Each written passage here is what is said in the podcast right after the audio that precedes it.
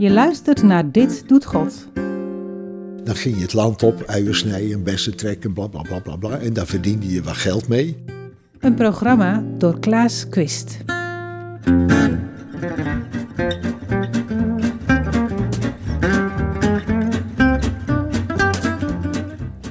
Dat, dat, dat is het moment geweest waarop ik eh, dacht van dit, dit is toch te gek om los te lopen.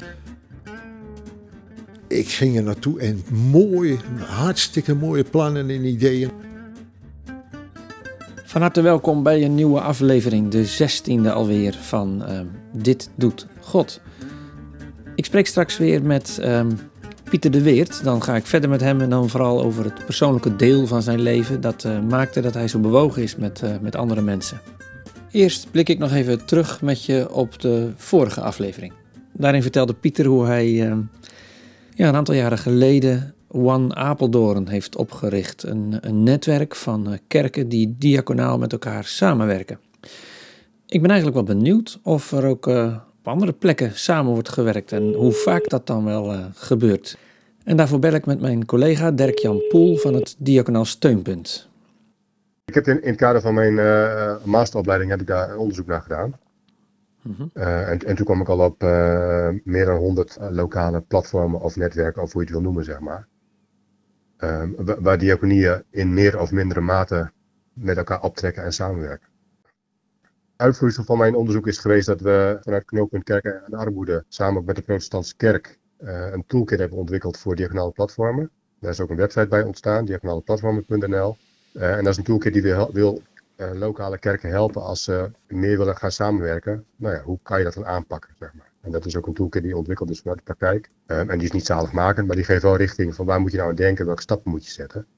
En daarin zeggen we eigenlijk, er zijn eigenlijk drie, dingen die het samenbrengen van diaconie uh, ja, versterkt. Uh, de ene is, je kunt van elkaar leren. Um, en ik merk ook in de afgelopen, ik doe dit werk nu, nu 12 jaar. Toen ik begon waren er nog redelijk wat klassikale diaconale bijeenkomsten. Um, die oh. zijn er nu vrijwel niet meer. Uh, en er zijn nu veel meer van die diaconale platformen. En de diaken ook zeggen, joh, maar ik vind het veel boeiender om te horen hoe iemand het in de PKN of in de Rooms-Katholieke Kerk doet. Want ja, ik, ik, weet wel een beetje hoe het in mijn eigen kerkgenootschap loopt. Maar ik kan juist ook heel veel leren van hoe het in andere kerkgenootschappen gaat. En dan leer ik iets van de ontspannenheid van een Rooms-Katholieke broeder. Want daar gebeurt diaconaat eigenlijk gewoon. Dus hè, dat, is, dat is het eerste, je kunt van elkaar ja. leren.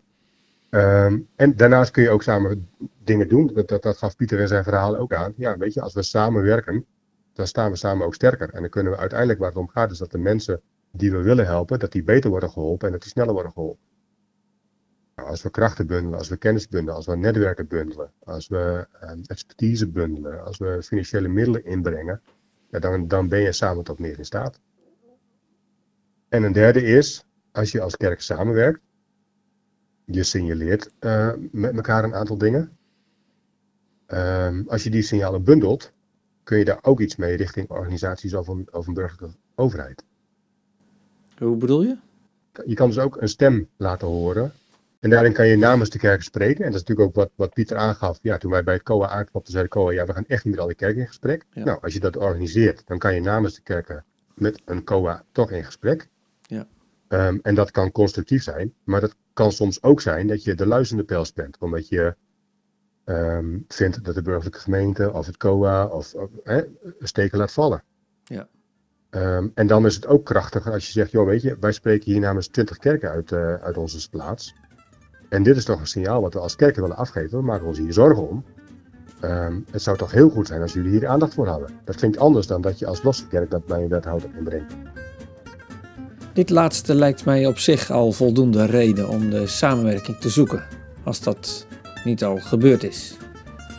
Um, de toolkit is te vinden op de website diaconaleplatformen.nl.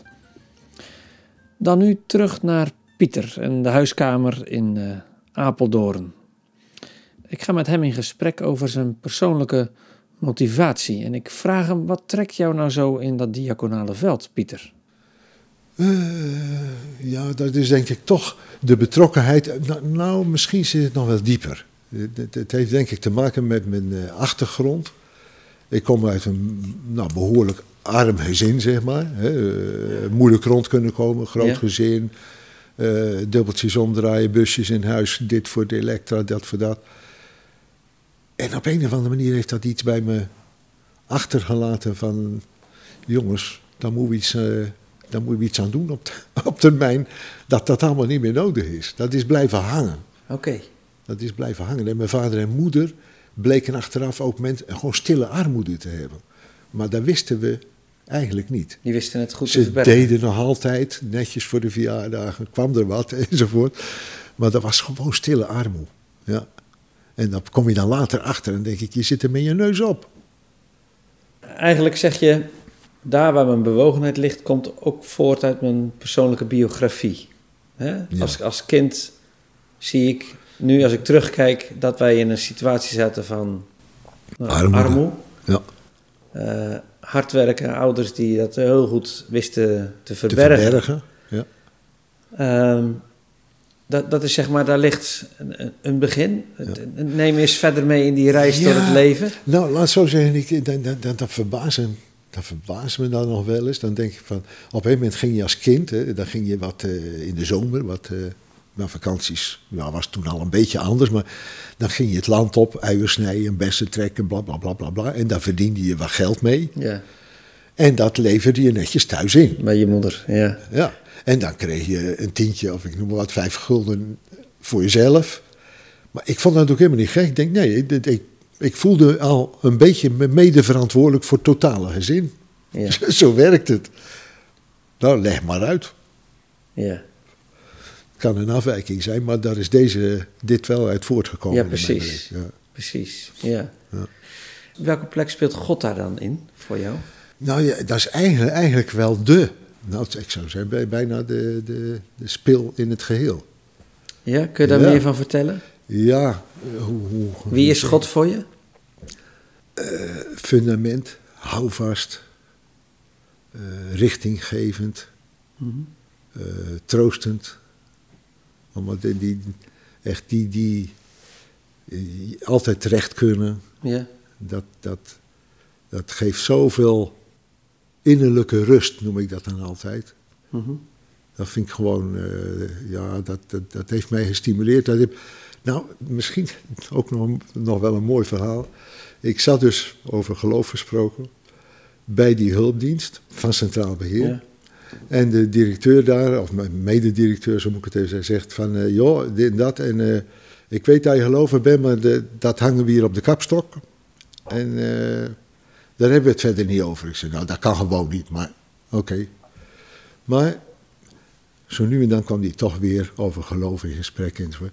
Toen hij, hoe is het met die clown van je? Ik zei, je gaat vooruit. Je vindt het al een bijzonder mens. ja. Een bijzonder iets. dus dat, nou ja, hij bleef erover praten, over geloof. En toen kwam er later iemand binnen van een evangelische club. En eigenlijk, dat zeg ik altijd, heeft hij mij eh, zover gebracht dat ik eh, me bekeerd heb. Zo, noem ik het dan maar. oké. Want ik ontdekte in één keer van. eh, er was iemand die dus wat aan drugs en ellende en weet je, maar die daaruit eh, gekomen was. En dan toch wel indruk op hem maakte. Hoe hij afhankelijk wilde zijn van de steun van God en de liefde van God. Dat had jij niet zelf. Nee joh, eh, nee, ik was nog een beetje meer zo van. zo regelen we het. Hè, Ja. verzuiling. ja, het geloof past in hokjes. ja, weghokjes. Mhm. Ja. Dat, dat, dat is het moment geweest waarop ik eh, dacht van dit, dit is toch te gek om los te lopen. Dat zo iemand die net uit de ellende en mij even gaat vertellen terwijl ik al jaren naar de kerk ga en zo. Ja. Dat, nou, dat is een punt geweest van, eh, En hoe lang is dat geleden? nou dan heb ik het over eh, 30 jaar terug. Ja, ja. Ja, 30, 35 jaar terug. Ja. En toen dacht je, maar als dat voor hem kan, dan moet dat ook bij mij kunnen. Ja, ja, ja. En, en, en de echtheid, zeg maar, echt van wat gaat het nou om? Niet, niet om die kerk, en of we met een blauwe zak of een rode zak lopen bij de collecte. En eh, hè, we, we praten niet over de kleur van de asbak. En uh, houd erop. Uh, laten we het over de essentie hebben en laten we er... Want deed je dat daarvoor dan wel? Dat je met de kleur van de collectezak bezig was? Is natuurlijk een beetje... Dat is gechargeerd, dat snap, gechargeerd, dat snap ik. Maar wel, je, je, zeg maar, je had dan van die openingsdagen van de kerk als start. Uh, ja. ja, ik ging er naartoe en mooi, hartstikke mooie plannen en ideeën. En het was nog een dag voorbij en we hadden het nergens meer over. Snap Oh, je? ja. Daar werd geen. Vertaling aangegeven. Er, werd ge- er gebeurde niks Mhm. in mijn beleving.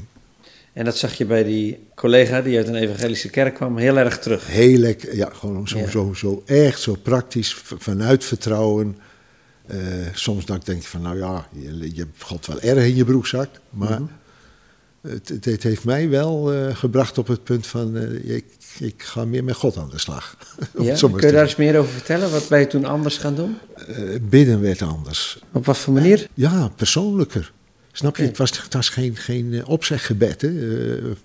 Of een mooi, dat mooi geformuleerd werd, maar meer dat je zocht naar woorden om, om op een of andere manier aansluiting te vinden bij God, laat ik maar zo zeggen. Mhm.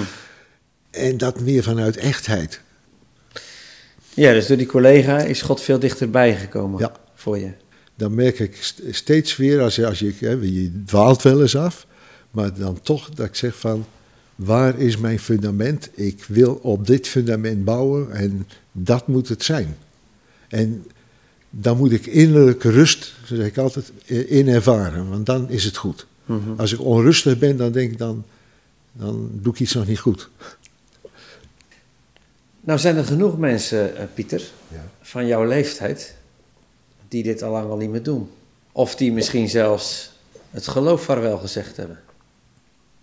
Misschien ken je ze ook wel. Ja, dat ken ik ook wel. Waarom geloof jij eigenlijk nog? Ja, dat is zo'n domme vraag. Ik, Dank je. daar kan ik geen antwoord op geven. Oké. ik, ik, ik, ik zou niet weten wat ik, eh, als ik, eh, als ik zou zeggen ik geloof niet, dan denk je, ja, ik moet toch ergens in geloven, snap je? Ja, dat is zo buiten je... eh, dit gaat zo buiten mijn terrein dat ik denk Ja. dat dit, dat, nou ja, Het is geen optie om niet te geloven. dat is geen optie. En als nou iemand luistert voor wie dat nog wel een vraag is. Of die op een snijvlak zit van, geloof ik het eigenlijk allemaal nog wel? Ik zou het mooi vinden om, om mee in gesprek te gaan. En, en samen te zoeken, samen te zoeken van wat is het, hè? Waarom zou ik dat dan wel hebben en jij dat niet? Of zo. Ja, Snap je, meer, meer benieuwd zijn van wat gebeurt er dan met jou? ja, Eh, En met mij, bij huisbezoeken had ik, ja, had ik dat ook wel. Dat je dan echt zei van, nou ik las dan wel eens een tekst uit een psalm, zo een paar versen. ja. En dan zei ik van, eh, herkennen jullie dit? Ook in jullie leven en zo. Mhm. Eh, Wat, wat, wat doet het met je? Want ik bedenk daar dingen bij, maar ik zou graag van jullie horen wat jullie daarbij bedenken. ja.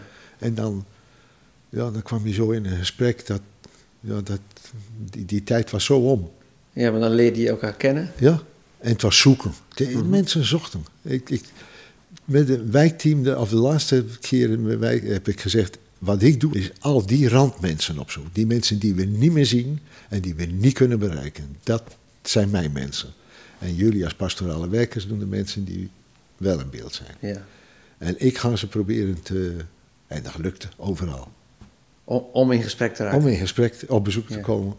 En dan had je een, een, een gesprek erover. Maar dan zei, eerst was het, ja, wuh. ik zeg, joh, ik ben gewoon benieuwd naar je. Ja. Je bent lid van deze kerk. Ja, We zien je nooit. Je bent ja, totaal niet betrokken. Waarom wil je lid zijn? Mhm. Waarom wil je dat? Daar ben ik echt benieuwd naar. Hè, want je zegt het ook niet op. Er is iets.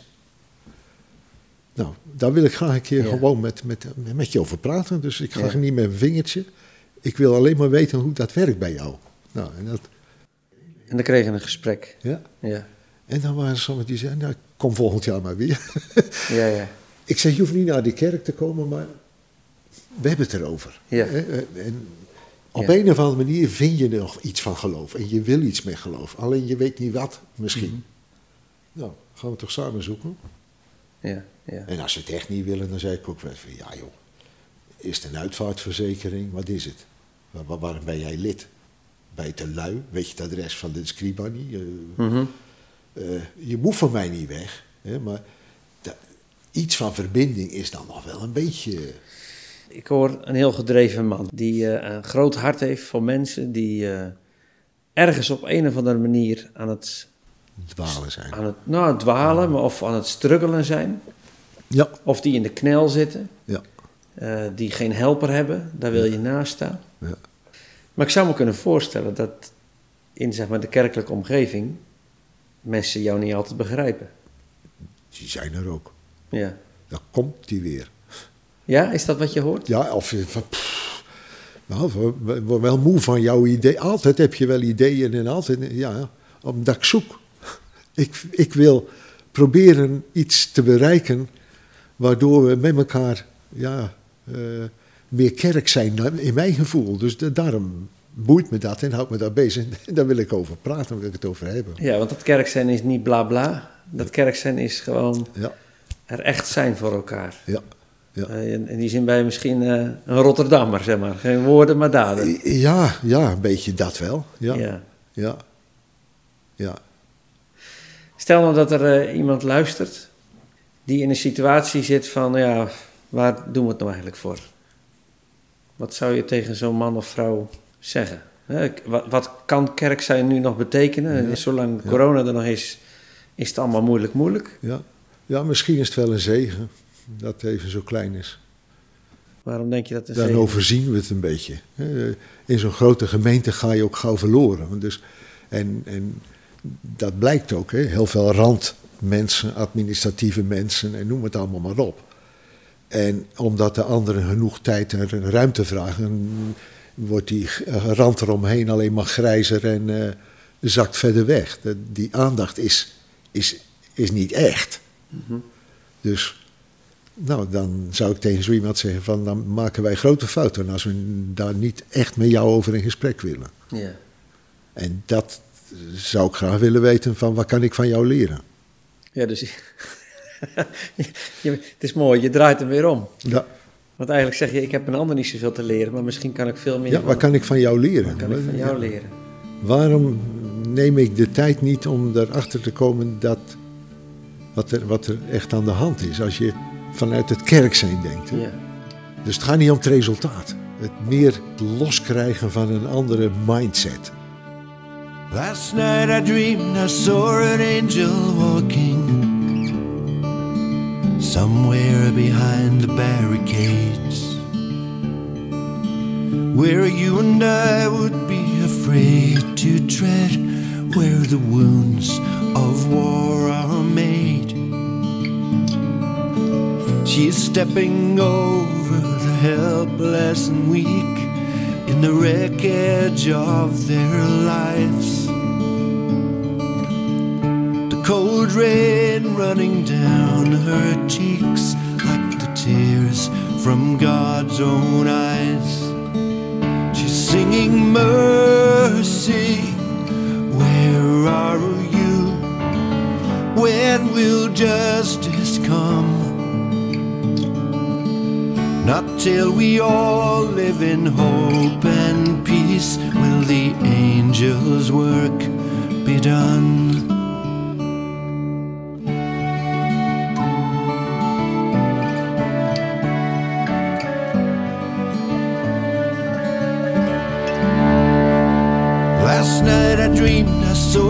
Angel dancing along the corridors of power. Dancing for truth upon the greed and lies that seem to pave those hallowed towers. He sees these leaders, we elected kings, talk of freedom's sacrifice. Pious words seem empty offerings when the poor still pay the price. She's singing mercy. Where are you? When will love come down? Not till we all live on equal terms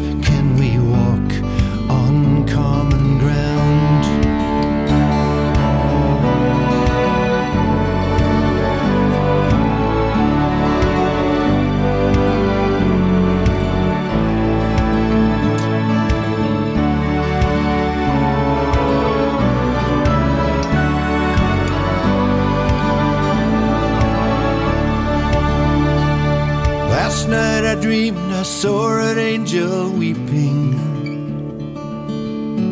with the outcasts and the lost. Their hungry cries sound like a million nails hammered on a single cross. She sees the children chained in poverty as we watch from paradise. Different values in different worlds, different sides to the same dice. Singing mercy, where are you? How long will it be? Not till we all live on equal terms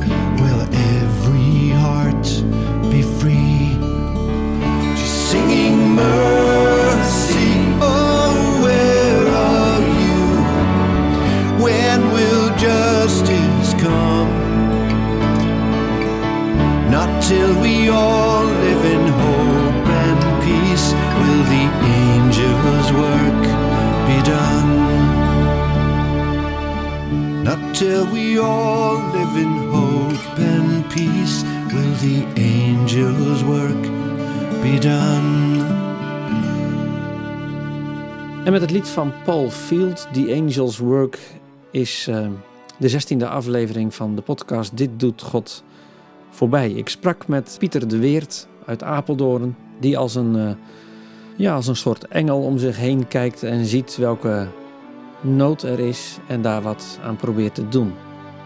Dank Pieter voor je openheid en voor je voorbeeld om zonder oordeel en met een open hart naar de wereld om je heen te kijken. Ik bedank je voor het luisteren en ik hoop je graag in een nieuwe aflevering weer te ontmoeten. Je hebt geluisterd naar Dit doet God. Ga voor meer inspiratie naar ditdoetgod.nl